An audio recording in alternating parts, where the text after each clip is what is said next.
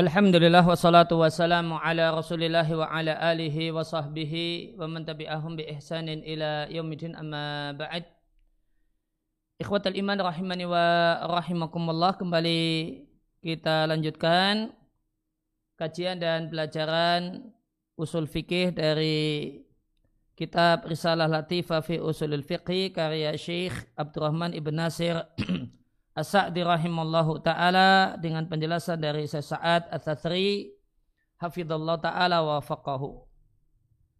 Kita masuk pada halaman 135 di pembahasan tentang sunnah takririyah. Qala al-musannif rahimallahu taala wa ma aqarahu Nabi sallallahu alaihi wasallam min al-aqwali wal af'ali hukima alaihi bil ibahati au ghairiha alal wajhil ladhi aqarrahu dan segala sesuatu uh, semua ucapan dan perbuatan yang aqarrahu Nabi diamkan maka hukum alihi diberi penilaian bil ibahati hukumnya mubah untuk diucapkan atau mubah untuk dilakukan. Hukum dasarnya mubah, namun bisa juga au ghairiha atau hukum non mubah di parameternya alal wajih ladhi akarahu sesuai dengan bentuk hukum yang Nabi diamkan.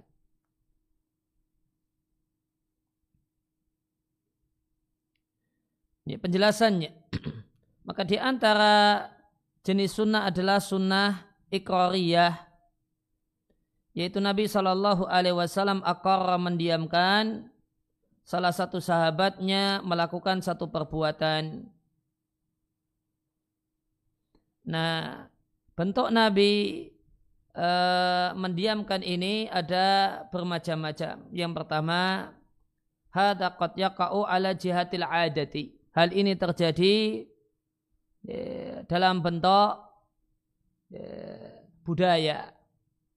E, dalam bentuk budaya mendiamkan satu hal yang telah jadi budaya di masyarakat Arab. Ini yang pertama.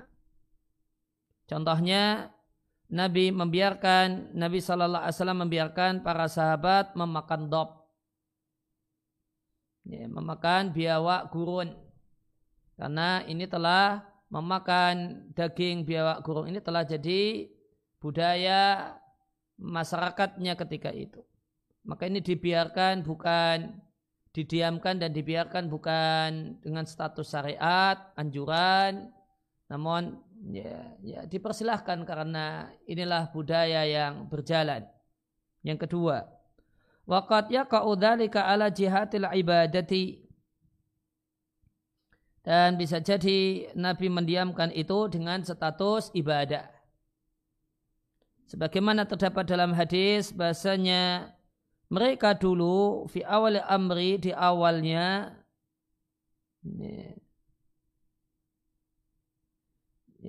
di awal-awal syariat solat idza ta'akharu ani salati jika datang telat datang solatnya telat adu ma fatahum minas salati awala maka mereka kerjakan ma fatahum minas salati bagian dari solat yang belum Ya, yang terlewat. Awalan itu pertama kali yang dilakukan. Thumma ba'da dalika kemudian setelah itu baru masuk bergabung bersama Nabi Shallallahu Alaihi Wasallam. Jadi misalnya sholat isya masbuk dua rakaat dulu cara bergabungnya adalah ngerjakan dulu dua rakaat yang ketinggalan maka dikerjakan mungkin cepat gitu ya ya, ambil rukun-rukunnya saja dapat dua rakaat. Ya dengan cara cepat ya bisa jadi ya, kemudian setelah itu baru gabung ya, dengan Nabi Shallallahu Alaihi Wasallam. Baru gabung berjamaah. Itu awalnya.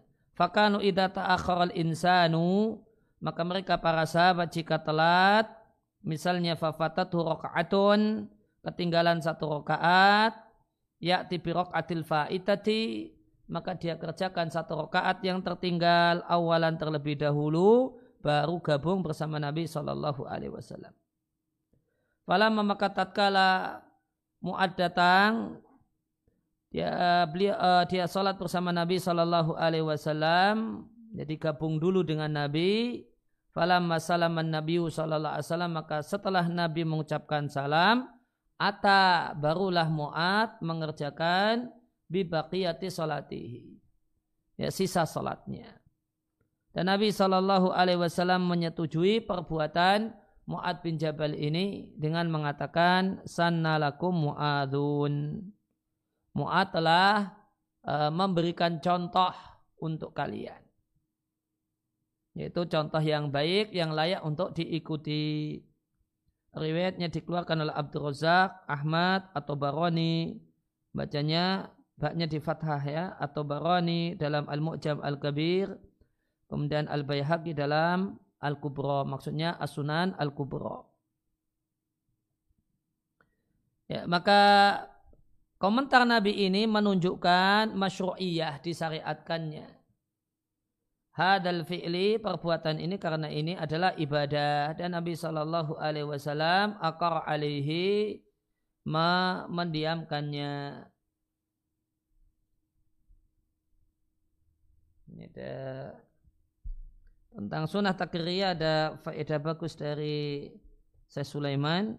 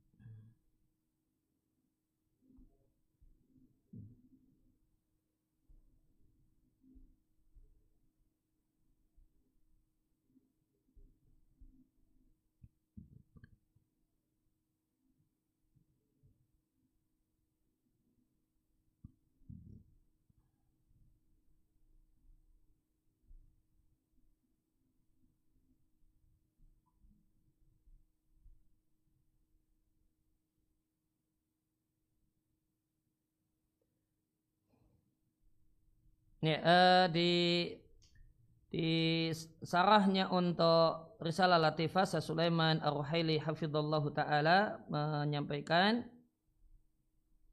bahasanya sesuatu yang Nabi diamkan itu hukumnya berkisar antara mustahab atau mubah. Bisa jadi mustahab dan bisa jadi mubah. Ya, maka jika Nabi mendiamkannya ala wajib ta'abu di dalam rangka ibadah atau Nabi jelaskan kalau perbuatan tersebut memiliki fadilah atau keutamaan maka itu dianjurkan. Namun jika Nabi mendiamkannya tanpa menjelaskan fadilahnya maka ini hanya menunjukkan hukum mubah saja. Contohnya Nabi Shallallahu Alaihi Wasallam mendiamkan seorang sahabat yang membaca surat Al-Ikhlas di setiap rakaat. Karena dia mencintai surat Al-Ikhlas, dikarenakan dalam surat Al-Ikhlas terdapat sifat Rahman, sifat Allah Subhanahu wa taala. Maka Nabi Shallallahu alaihi wasallam mendiamkannya, tidak menyalahkannya. Ya, dan ini menunjukkan kalau itu boleh, namun tidak menunjukkan kalau itu satu hal yang afdal dan satu hal yang dianjurkan. Kenapa?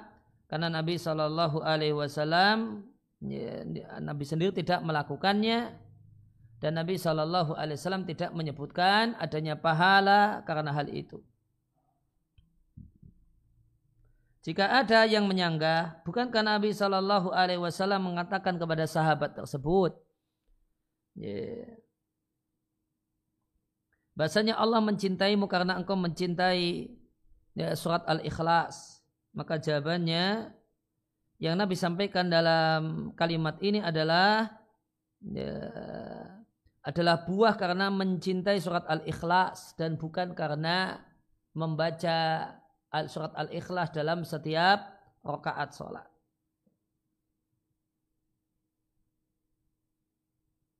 Oleh karena itu membaca surat Al-Ikhlas setelah membaca surat dalam sholat ya, ya, ya, ya, hukumnya mubah. Siapa yang melakukannya tidak boleh disalahkan. Tidak boleh diingkari. Namun apakah itu dianjurkan? Jawabannya bukan hal yang dianjurkan.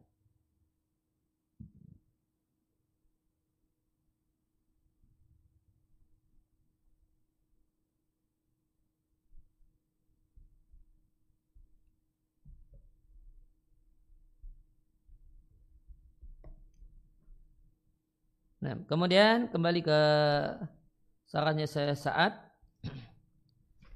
kita lanjutkan pada fasal selanjutnya di halaman 136 Faslul ijma'i wal qiyasi sahihi. Fasal tentang ijma' dan kias yang benar. Wa amal ijma'u fa wattifaqul ulama'il mujtahidina ala hukmi hadithatin. Ijma' adalah kesepakatan para ulama mustahid untuk hukum satu peristiwa. Famata qata'na bi ijma'ihim wajib ruju'u ila ijma'ihim.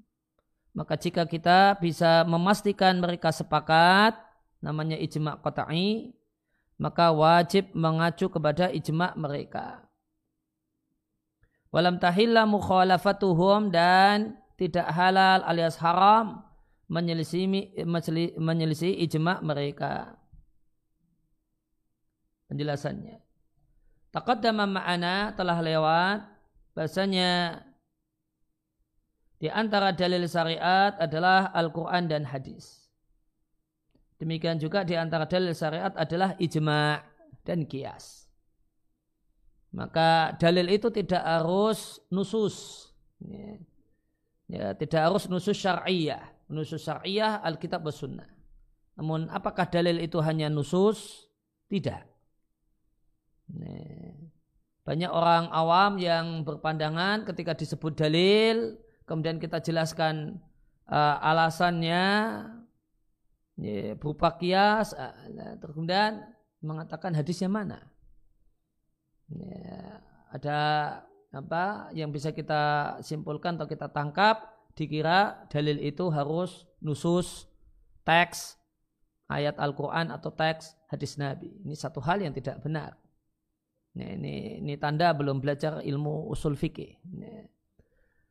Namun orang yang belajar ilmu usul fikih harusnya mengerti bahwasanya nusus itu bagian dari dalil. Namun bukan keseluruhan dalil.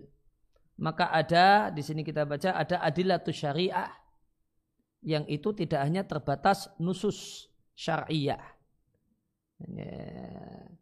Maka nusus syariah bagian dari adilatus syariah. Namun adilatus syariah tidak hanya terbatas nusus syariah. Ini camkan, penting ini.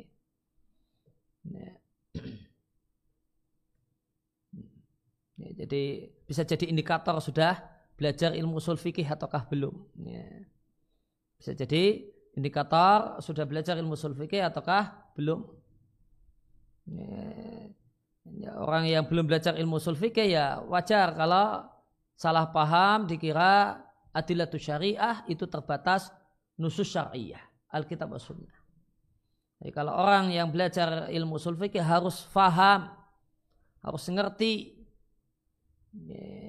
bahasanya yang namanya adilatus syariah atau dalil itu bukan hanya nusus syariah. Bisa kias, bisa ijma, bisa yang lainnya. Ya, maka di antara adilatus syariah adalah ijma' Maka ijma dalam bahasa orang Arab adalah itifak kesepakatan dan yang dimaksudkan di sini adalah kesepakatan ulama syariah bukan ulama bahasa bukan uh, ya, ulama nahwu bukan ulama kiraat dan yang lainnya di satu masa terhadap menyepakati satu hukum syar'i. Wal ijma dan ijma adalah salah satu dalil syariat. Wa dulu ala dalika dan dalil kalau ijma adalah dalil Dalil kalau ijma itu dalil minan nusus dari nas. Ya, dalil dari nas di antaranya adalah qauluhu ta'ala firman Allah ta'ala fa in tanaza'tum fi syai' jika kalian berselisih tentang satu hal kembalikanlah pada Allah dan Rasul. Fa inna yadulu maka ini menunjukkan dengan namanya mafhum mukhalafah jika tidak ada perselisihan satu hukum, maka kita menyukupkan diri dengan kesepakatan. Maka kembali kepada Allah dan Rasulnya itu kan kalau berselisih. Berarti kalau tidak berselisih, tidak perlu. Cukupkan diri dengan tidak ada perselisihan dalam hal ini, sudah cukup. Wala nahtaju kita tidak perlu kembali kepada Alkitab wa Sunnah. Hmm. Dan di antara penjelasan tentang kembali kepada Alkitab wa Sunnah adalah kias. Yang dimaksud dengan kembali kepada Alkitab wa Sunnah adalah kias. Di Allah karena Allah telah menjamin bahasanya kesepakatan umat ini benar adanya. Waqad qala jalla wa ala Allah jalla wa ala berfirman dan ini juga dalil ijma. Ijma adalah hujah. Dan ini istidlal dari Al-Imam di kitabnya Arisalah. Ketika menjelaskan tentang apa dalil e, ijma ulama itu hujah, beliau katakan dalilnya adalah surat An-Nisa ayat 115. Wa may rasulah maka siapa yang menentang Rasul setelah tabayana lahul huda jelas baginya petunjuk. Yang dimaksud petunjuk ilmu. Wa yatabi ghaira sabilil mu'minin dan mengikuti bukan jalan orang-orang yang beriman. Maka dalam penjelasan Al-Imam Musyafi'i, jalan orang-orang yang beriman itu adalah al-ijma'at. Hal-hal yang disepakati oleh kaum muslimin. Dan dia mengikuti selain jalan orang yang beriman. Berarti tidak mengikuti ijma.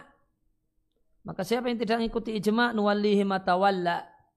Kami palingkan dia ke mana biar dia berpaling, kemudian kami masukkan ke dalam neraka. Wasaat masira dan neraka adalah sejelek-jelek tempat kembali.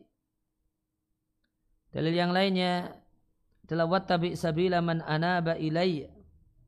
Dan ikutilah jalan orang-orang yang kembali kepadaku. Dan yang dimaksud dengan man anaba ilai adalah para sahabat. Ya, dan yang dimaksud dengan jalan para sahabat adalah ijma'atuhum. Ijma' ijma' mereka.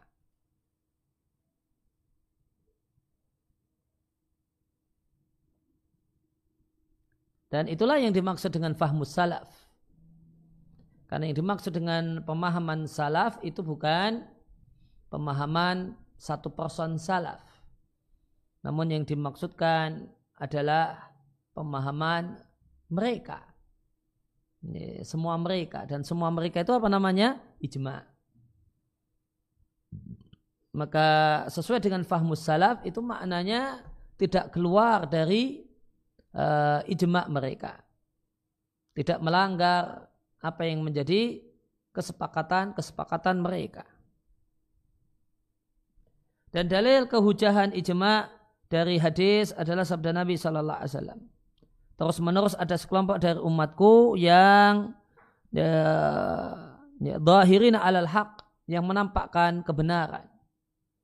Ya. Ya, maka tidak akan pernah kosong satu masa dari ta'ifah ini. Berarti kalau terjadi ijma, maka termasuk di dalamnya ijma ta'ifah ini. Dan ta'ifah ini Nabi telah katakan alal haq. Berarti ijma kaum muslimin karena di satu masa itu otomatis terdapat di dalamnya ta'ifah ini sehingga ini menunjukkan bahasanya ya, ijma adalah satu hal yang benar adanya. Padahal hada maka di sini menunjukkan bahasanya labuda haruslah dijumpai orang yang me menyerukan kebenaran di setiap zaman. Maka kaedahnya tidak mungkin kebenaran itu tidak diketahui oleh semua umat Islam. Itu kandungan dari hadis ini. La tazalu ta'ifatun min ummati zahirina alal haq. Itu kandungannya adalah tidak mungkin alias mustahil satu kebenaran itu tidak diketahui oleh seluruh umat Islam. Kalau tidak diketahui oleh sebagian umat Islam mungkin. Tapi kalau seluruh umat Islam tidak tahu tidak mungkin karena hadis ini la tazalu ta'ifatun min ummati alal haq.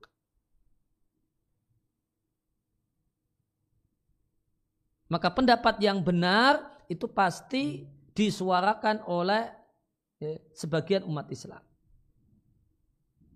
Tidak mungkin sebuah pendapat yang benar itu sama sekali tidak ada umat Islam, tidak ada kaum muslimin yang menyuarakannya. Tidak mungkin. Karena apa? Karena adanya ta'ifatun min ummati alal haq. Sehingga ketika terjadi ijma umat, maka berarti otomatis ter, ter, terkandung di dalamnya ijma ta'ifah ini. Sehingga ini menunjukkan bahasanya ijma umat itu hujah ijma umat itu kebenaran.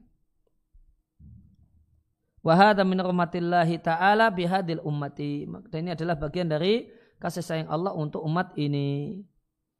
Fa'in qala qail jika ada orang yang mengatakan.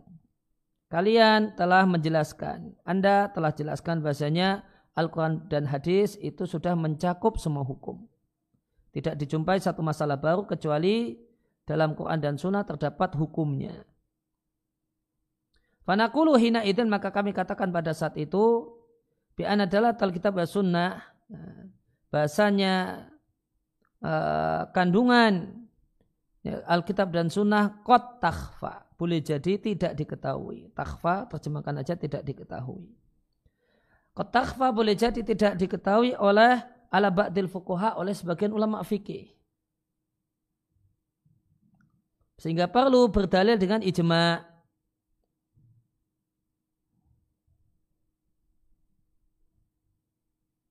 Padahal sebenarnya ya ini ini ini ada dalilnya juga, namun cuma tidak diketahui oleh sebagian ulama sehingga sebagian ulama tadi uh, pakai dalilnya dengan ijma. Kemudian lama nih tidaklah mengapa ayatullah dalilani ada dua dalil yaitu Quran dan Sunnah atau misalnya Al-Quran ditambah ijma. Tidak mengapa dua dalil itu menunjukkan madlulin ala madlulin wahidin pada satu hal yang sama. Fayakunu nasu qaddala alal hukmi, maka nas, maksudnya nas adalah teks ayat Al-Quran atau hadis Nabi, menunjukkan pada satu hukum, kemudian ijma juga menunjukkan hukum yang sama. Contohnya, ya, ya, dibolehkannya jual beli. Al-Quran dan hadis Nabi menunjukkan dibolehkannya jual beli, ijma ulama juga menunjukkan bolehnya jual beli. Ya, maka double dalil untuk satu hal yang sama tidak masalah ada ijma, ada Quran dan sunnah, ya, tidak mengapa. Jika ada yang bertanya, ij, uh, ijma itu satu hal yang tidak mungkin. Id na'rifu bagaimana kita mengetahui perkataan para ulama dengan perbedaan makhtilafihim dengan perbedaan mereka dan perbedaan negeri mereka dan berbilangnya daerah-daerah mereka. Maka jawabannya di halaman 138. Fanakul maka kami katakan bahasanya nas, ya, nusus Quran dan Sunnah menunjukkan kehujanan ijma.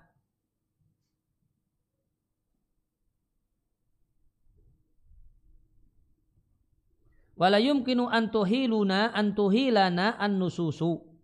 Taknya itu ke nususu uh, tuhiluna kurang lebih mengarahkan lah, kurang lebih terjemahnya.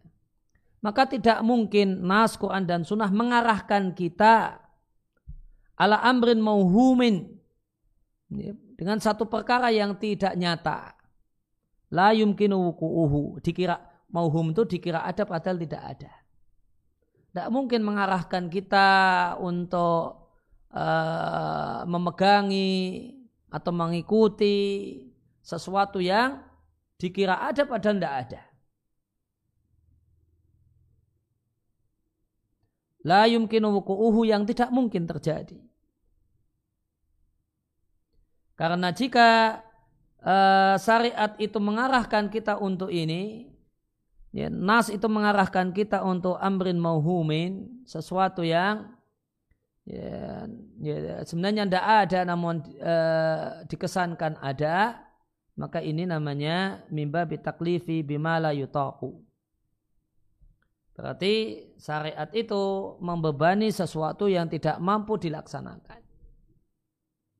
Dan kaidahnya dalam syariat kita itu tidak ada taklifu mala yutok ya, dalam syariat kita itu tidak terdapat taklifu mala yutaku pembebanan syariat, pembebanan aturan yang itu tidak mungkin bisa diwujudkan.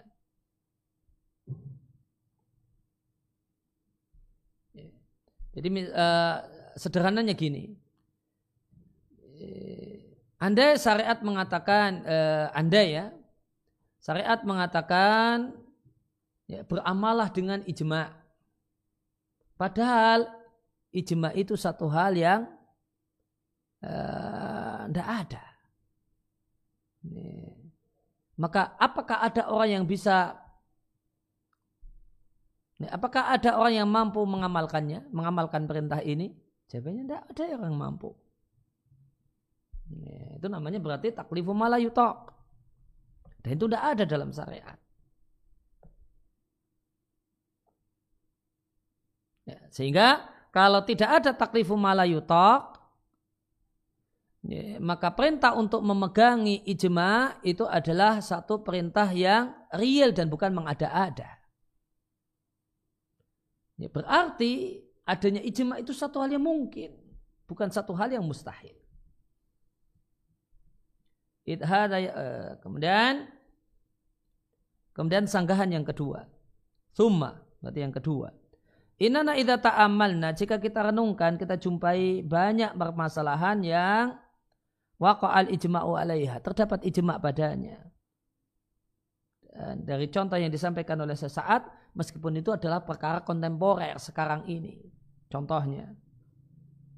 Kita al-ansat ini di zaman ini kita jumpai para ulama fikih zaman ini sepakat ala adad al umuri fil masajid.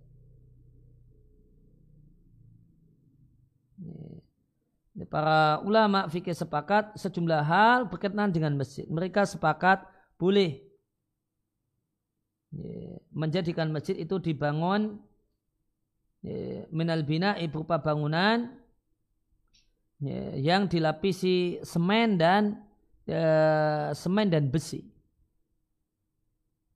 Demikian juga para ulama fikih zaman ini sepakat bolehnya penggunaan pengeras suara atau memperkeras suara imam sholat dengan menggunakan pengeras suara.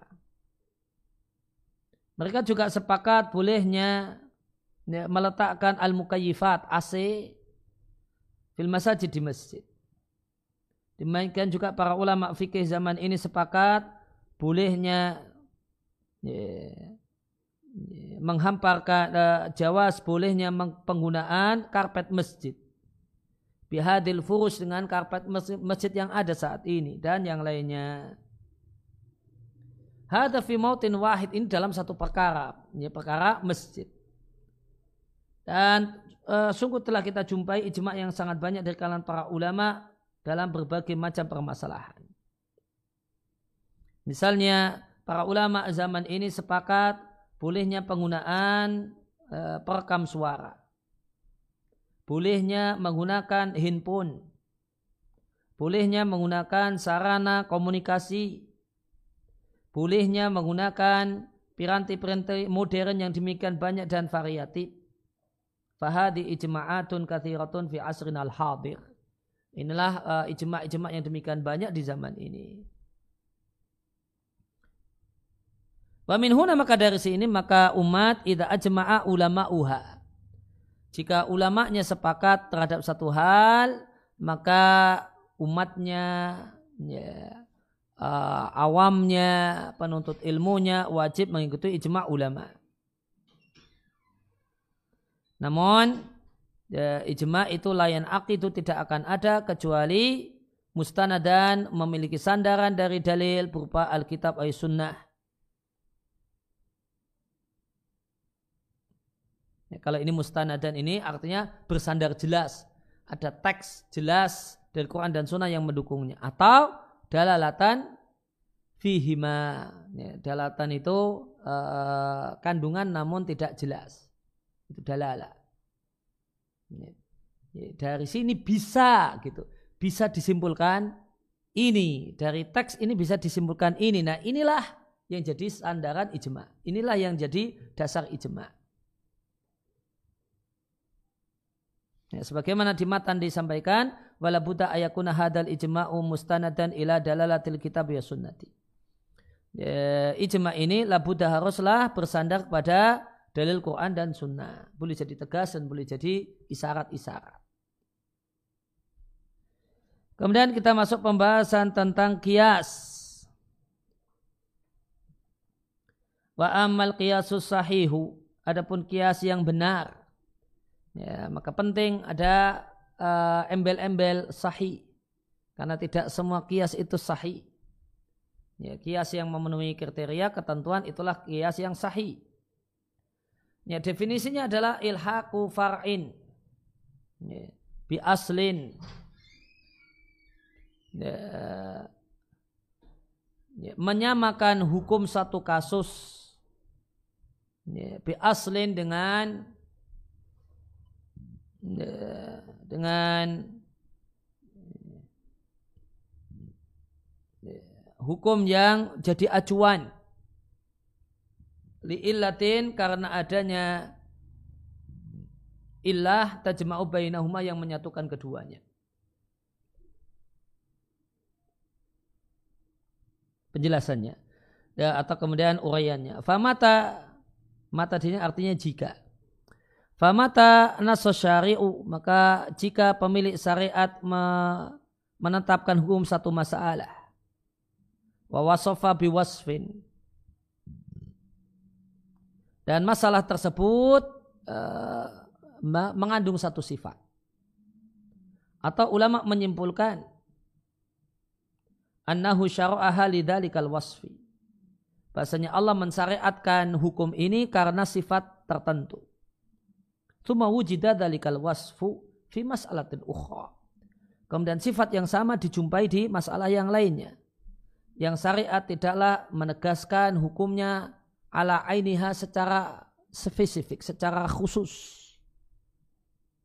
Min ghairi farkin bainahuma wa bainal mansusi.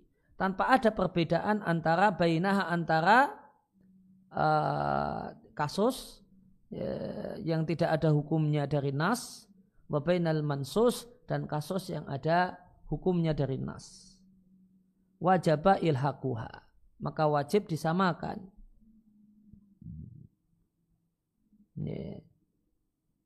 Fi hukmiha dalam hukumnya. Kenapa wajib disamakan? Karena ini bagian dari al-adl. Menyamakan hal yang sama. Nah kalau ini dua hal ini satu hal yang sama, kenapa dibedakan? Tidak boleh. Harus disamakan. Nah ini atau keterangannya lebih lanjut, li syari hakimun karena Allah itu zat yang maha bijaksana. Allah tidaklah membedakan antara baina al-mutamathilat, hal-hal yang sama. Sama dalam sifatnya. Sebagaimana tidak akan menyamakan bainal mukhtalifat, hal-hal yang berbeda. Nah inilah yang disebut dengan kias yang benar. Wahada wahadal qiyasu sahihu wal mizanu. Dan kias yang benar itulah adalah timbangan. Allah diangzalallahu yang Allah turunkan. Dan kias yang benar itu mengandung lil adli keadilan. Atau alat yang dengannya diketahuilah dan dikenalah keadilan.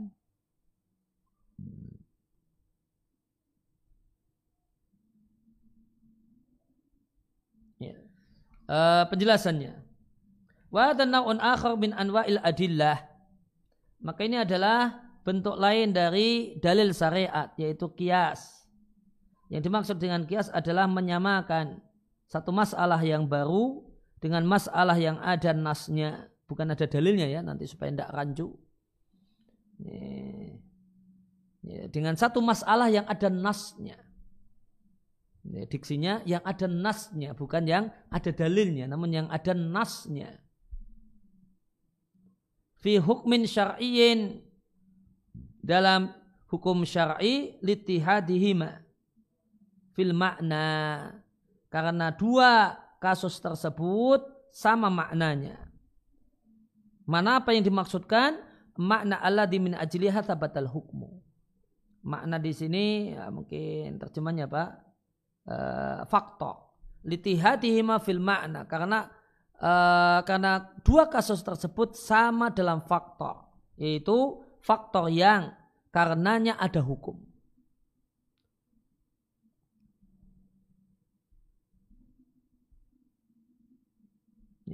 Yang karenanya ada hukum dalam masalah yang ada nasnya. Di antara contohnya, contoh sederhananya, syariat mengajarkan kepada kita bolehnya bepergian naik unta. Dalilnya firman Allah Jalla wa'ala, walitabluhu aliha hajatan fi sudurikum.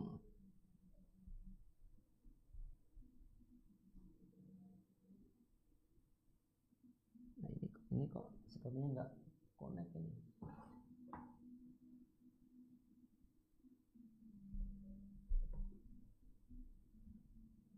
Karena ini fi sudurikum. Kafir ayat 80.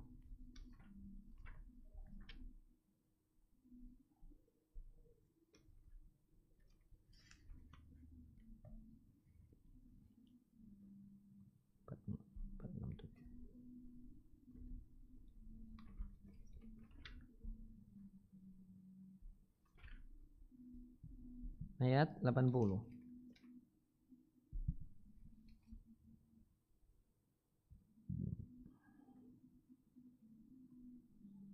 Ah, lanjutannya ayat harusnya yang jadi mahalus syahid. Mahalus syahidnya keliru.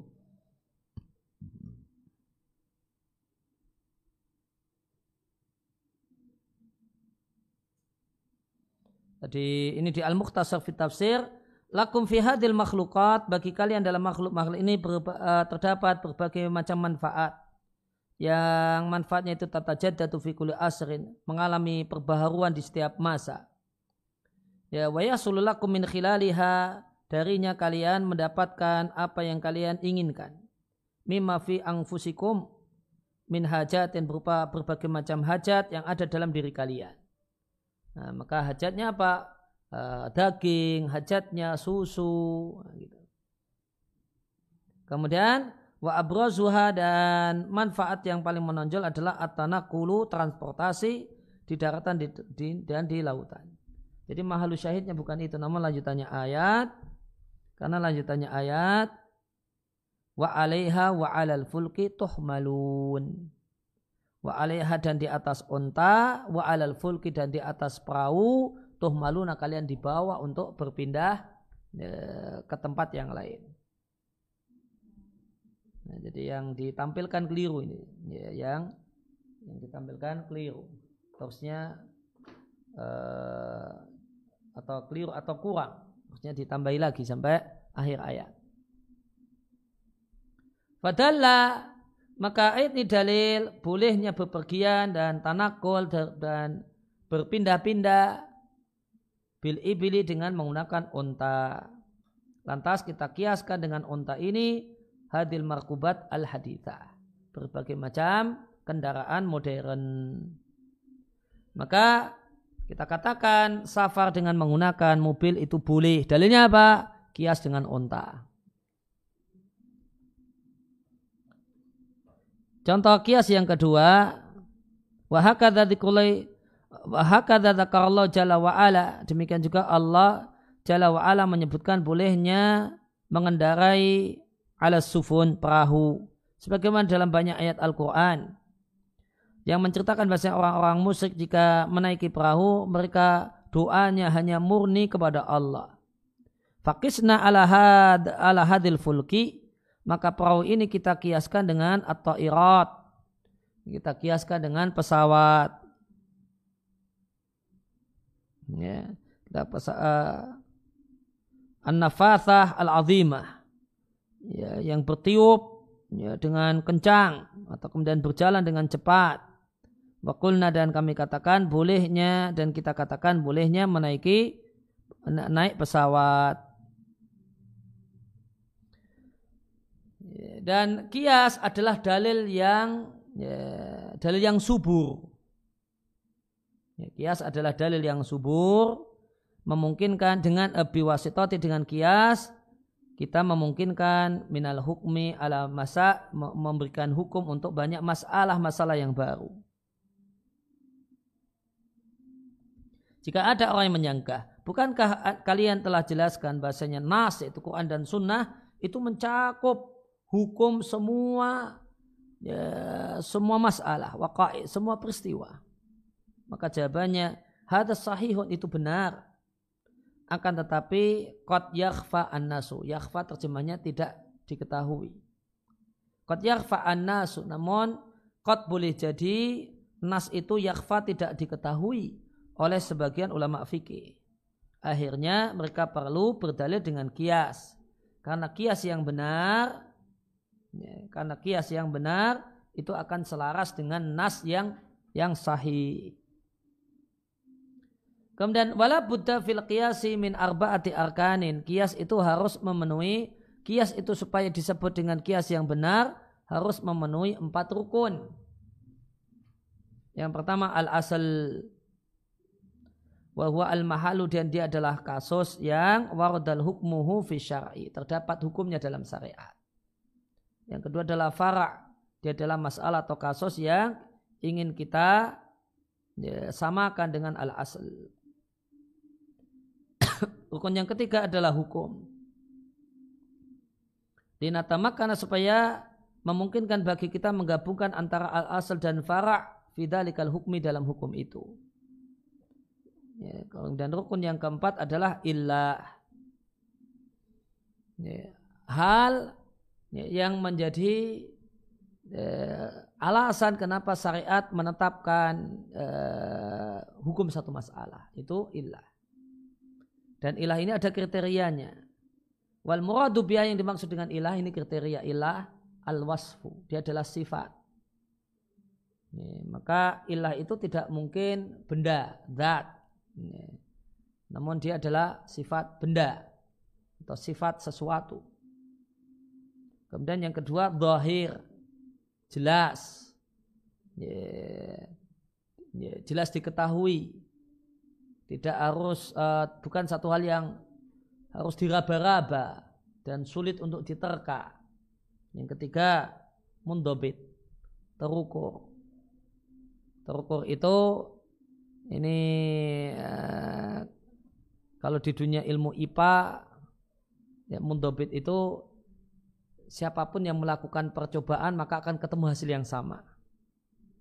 Nah, itu nanti itu namanya mundobit. Kaedahnya atau rumusnya mundobit nah, dilakukan ya, oleh si A hasilnya demikian dilakukan oleh B hasilnya demikian. Nah, itu mundobit harus mundobit. Kalau dia tidak mundobit tidak, tidak, uh, tidak bisa jadi illah ya, karena nanti orang bingung bisa nggak ya ini? Ya, bisa nggak ya ini dan itu? Eh, karena nggak mundobit. Ya, misalnya ya. Allah dirotaba syari asyari'u syari artinya Allah yang Allah mengkaitkan hukum alaihi dengan wasaf tersebut wasaf dohir mundobit tadi fil asli dalam uh, kasus uh, asal tadi kasus yang mansus berdalil uh, atau ada nasnya.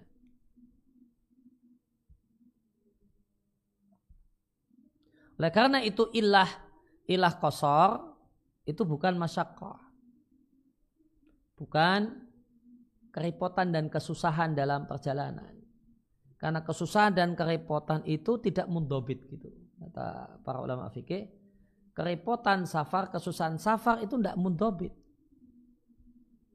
tergantung beda pelaku safar beda komentar saya nggak capek kok gitu karena dia apa safar naik kendaraan yang enak ya.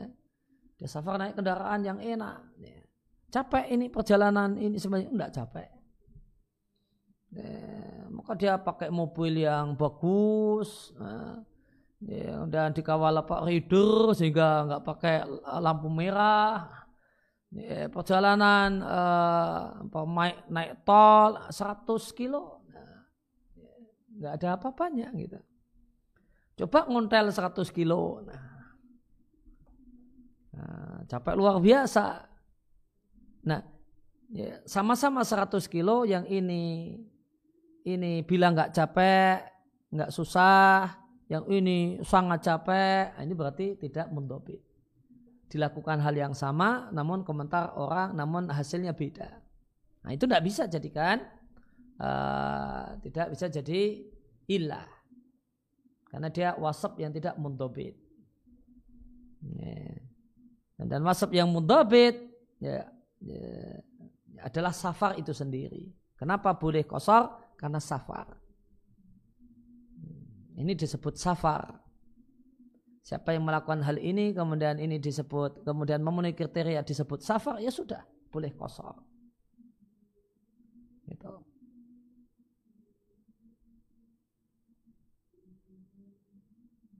Itu contoh mundobit. Wamin amsilah tidak di antara contohnya adalah mengkiaskan, menganalogkan mobil dengan unta dalam boleh dikendarai. Al asal na, uh, apa, kasus yang memiliki nas adalah unta. Karena dia adalah kasus terdapat hukumnya dalam syariat. Sedangkan farak kasus yang mau dicari hukumnya adalah mobil.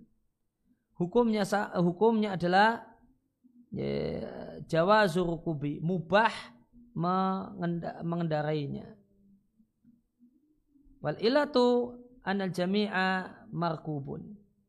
Ilahnya adalah e, dua-duanya itu dikendarai. Waqat qala jamahir ahli ilmi. Maka jamahir itu lebih dari jumhur. Ya. Ya. Maka kalau jamahir itu lawannya e, segelintir. Ya. Artinya ya, ya, ya ada namun tidak banyak. Ya, ada namun sangat tidak banyak, sangat sedikit. Yaitu kalau kebalikan dari jamahir. Kalau jumhur itu bisa jadi ya, kebalikannya itu masih banyak.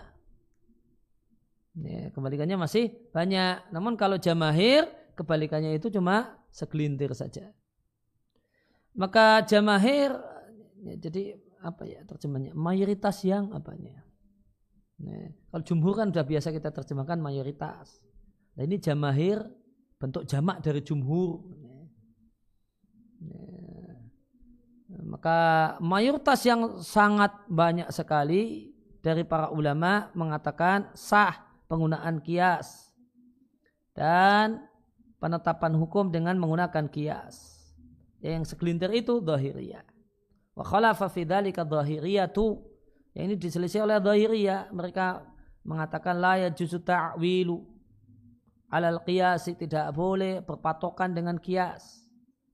Dan yang benar adalah pendapat jumhur atau jamahir. Dan dalil hal tersebut adalah sejumlah dalil. Di antaranya, yang pertama asyari Allah itu adalah hakim dat yang maha bijaksana dan di antara bentuk bijaksana adalah ayat ja'ala al mutamathilat laha hukmun wahidun.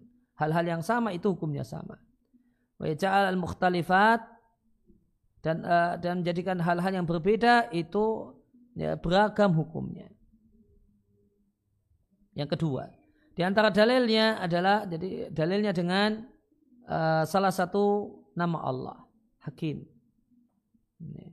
Dan yang kedua di antara dalilnya adalah Allah Jalla telah menjelaskan bahasanya dia Allah telah menurunkan Alkitab wal Mizan. Dan yang dimaksud dengan mizan adalah al-adl dan bagian dari al-adl adalah kias yang benar. Bagaimana firman Allah Ta'ala di surat Al-Hadid ayat yang ke-25. Laqad arsalna rusulana bil bayinat. Sungguh telah kami utus para utusan kami dengan membawa bayinat, bukti yang nyata, yaitu mukjizat yang menunjukkan benarnya mereka sebagai utusan Allah. Dan kami turunkan bersama mereka Alkitab. Dari ayat ini, ya, Sayyid uh, menyampaikan istimbat bahasanya jumlah kitab suci itu sebanyak jumlah rasul. jumlah kitab suci itu sebanyak jumlah rasul karena setiap rasul itu membawa kitab suci. Wal mizan dan uh, Allah bekali mereka mizan, timbangan. Dia kuman nasu bil qisti supaya manusia menegakkan keadilan. Kemudian alasan yang ketiga penggunaan kias itu waradat terdapat dalam kitab was sunnah. Fa Allah azza wa jalla maka Allah azza wa jalla telah menggunakan kias fi mawatina kathiratin dalam banyak kasus. Min kitab dalam Al-Quran. Min dalika di antaranya bahasanya Allah Jalla wa ala mengkiaskan menganalogkan menyamakan penciptaan Ibnu Adam dan Ibnu Adam dikembalikan marotan ukho di kali berikutnya. Yeah. Dan kemudian dibangkitkan Allah samakan dengan penciptaan langit dan bumi sebagaimana firman Allah taala di surat Yasin ayat yang ke-81 awalaisa alladzi khalaqas samawati wal arda biqadirin ala ayakhluqa mithlahum Bukankah zat yang menciptakan langit dan bumi itu mampu untuk menciptakan semisal mereka? Ya, maka eh, ayat ini isinya adalah kias. Wahakada demikian, wahakada aidan demikian juga Warada fil hadis terdapat dalam hadis. Bahasanya Nabi Shallallahu Alaihi Wasallam mengkiaskan dan menganalogkan utang Allah, utang kepada Allah dengan utang kepada sesama manusia. Dalam sama dalam disyariatkan untuk dilunasi. Tatkala Nabi ditanyai tentang menghajikan orang yang sudah meninggal dunia. Yang keempat, para sahabat sepakat bolehnya penggunaan kias dan berdalil dengan kias. Ini secara umum kias demikian keadaannya, cuma ya, ada perbedaan eh, wakat wakal ikhtilaf terdapat perbedaan di antara para ulama tentang kias hal huwa dalilun mustaqilun. Apakah dia adalah sebuah dalil yang independen? Ataukah statusnya itu adalah istismarun lidalili. Status kias itu istismar. Ya, adalah uh, buah dari dalil.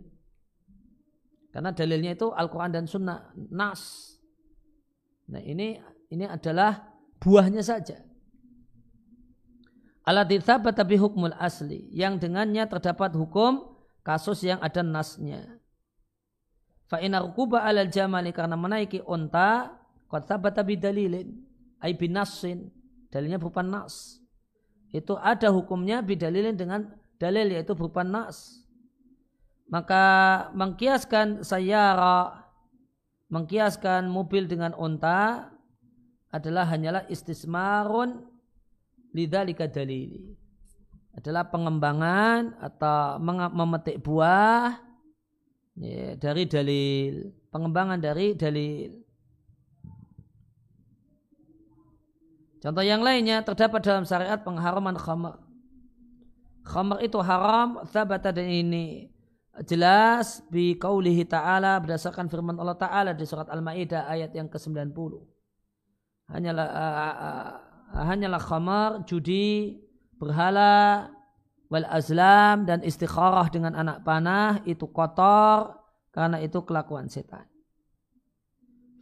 Fa'al haqna bihi lantas kia kita samakan dengan khamar hadi al mukhaddirat berbagai macam narkoba al jadidah yang uh, muncul baru contohnya heroin al heroin dan hashish ganja dan semacam itu maka ini kias maka kias ini adalah istismarun lidalili adalah ya, pengembangan atau peng, perluasan dari dalil, perluasan dari nas yang sahabat tabi hukmul asli yang dengannya ada hukum untuk kasus yang ada nasnya.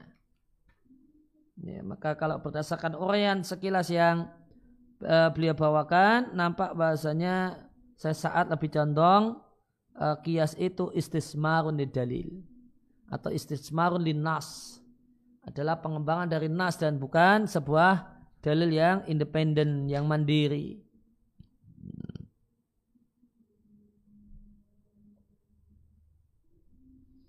Kemudian ada uh, di kembali ke halaman kematan di halaman 141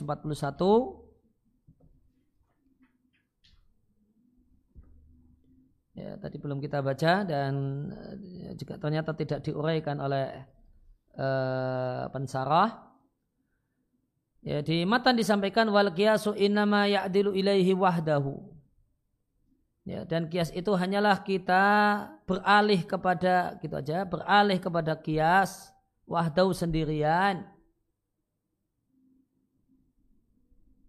Idza faqadan nasu jika tidak ada nas.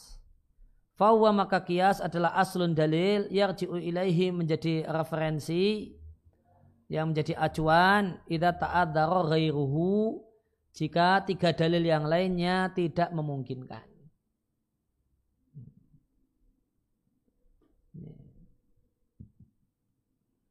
Dan kita uh, uh, maka tadi disampaikan boleh jadi satu masalah itu dalilnya uh, banyak lengkap bahkan empat dalil. Contohnya uh, jual beli itu dalilnya empat Al-Quran, hadis, ijma ada, kias juga ada. Maka dalam hal ini kias itu menjadi uh, dalil pendukung. Ya, kias berstatus sebagai dalil pendukung itu bisa saja demikian. Ini untuk kia uh, ya.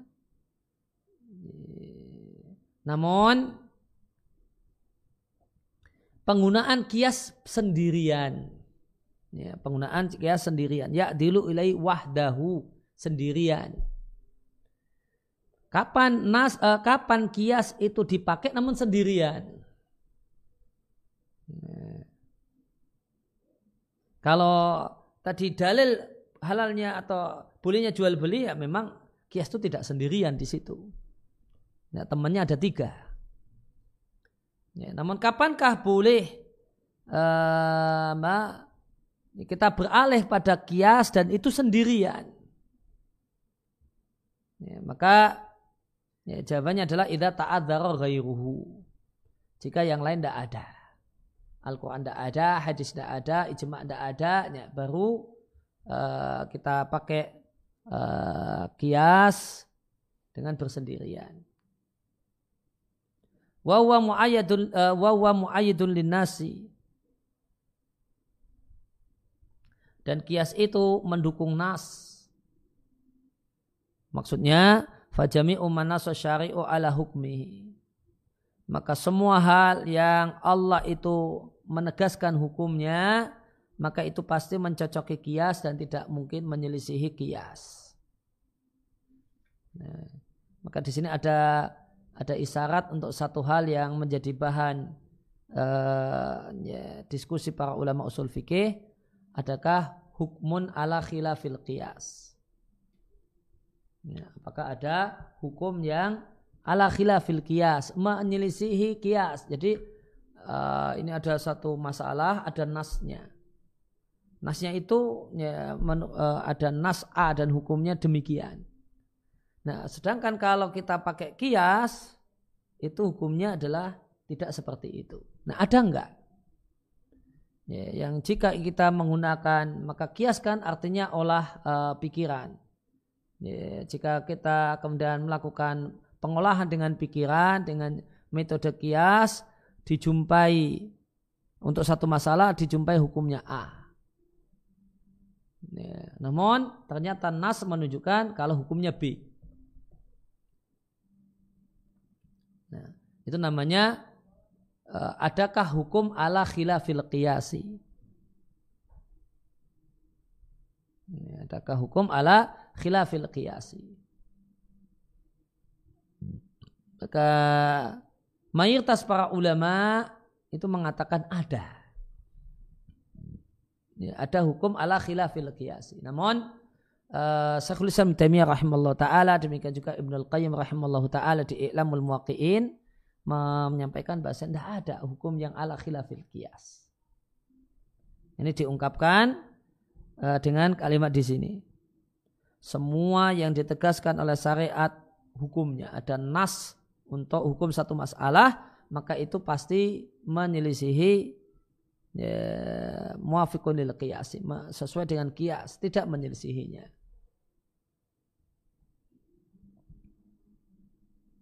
Ya, namun itu sebenarnya pembahasan lebih ini uh, uh, pembahasan usul fikih level yang lebih lanjut. Ya, ya intinya uh, intinya uh, inti yang mau disampaikan ya, tidak ada nas yang menyelisihi kias. Ya, tidak ada nas yang menyelisih kias. Semua kias itu sejalan dengan nas. Dan semua nas tidak akan bertentangan dengan kias. Tadi, eh.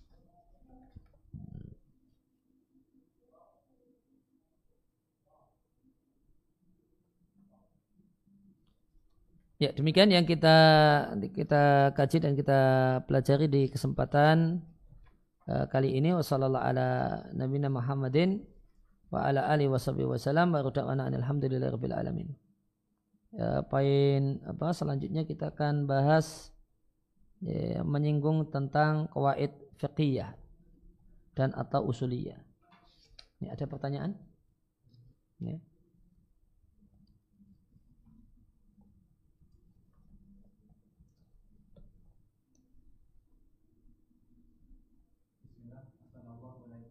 Wa ilaikum. Bertanya, bagaimana cara seorang ulama bisa mengetahui bahwa di masa sebelumnya, misal sebelum ulama ini hidup,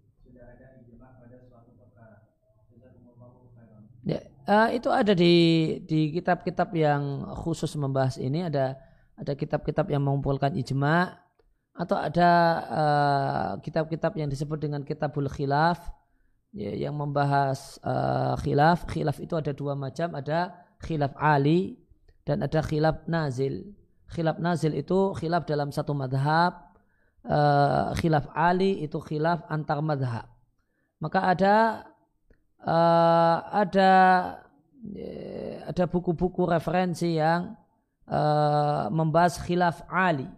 Di khilaf ali ini akan kita jumpai uh, penjelasan masalah ini diperselisihkan ataukah tidak, disepakati ataukah tidak Ya, maka ada di situ. Nah, ada yang lain?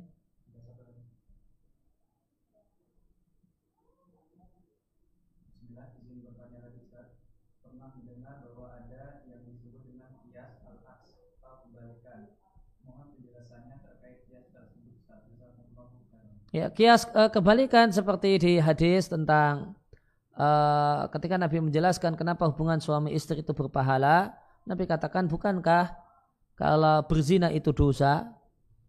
Ya, karena berzina itu dosa maka berarti tidak berzina namun berhubungan dengan istri sendiri dengan suami sendiri itu berpahala.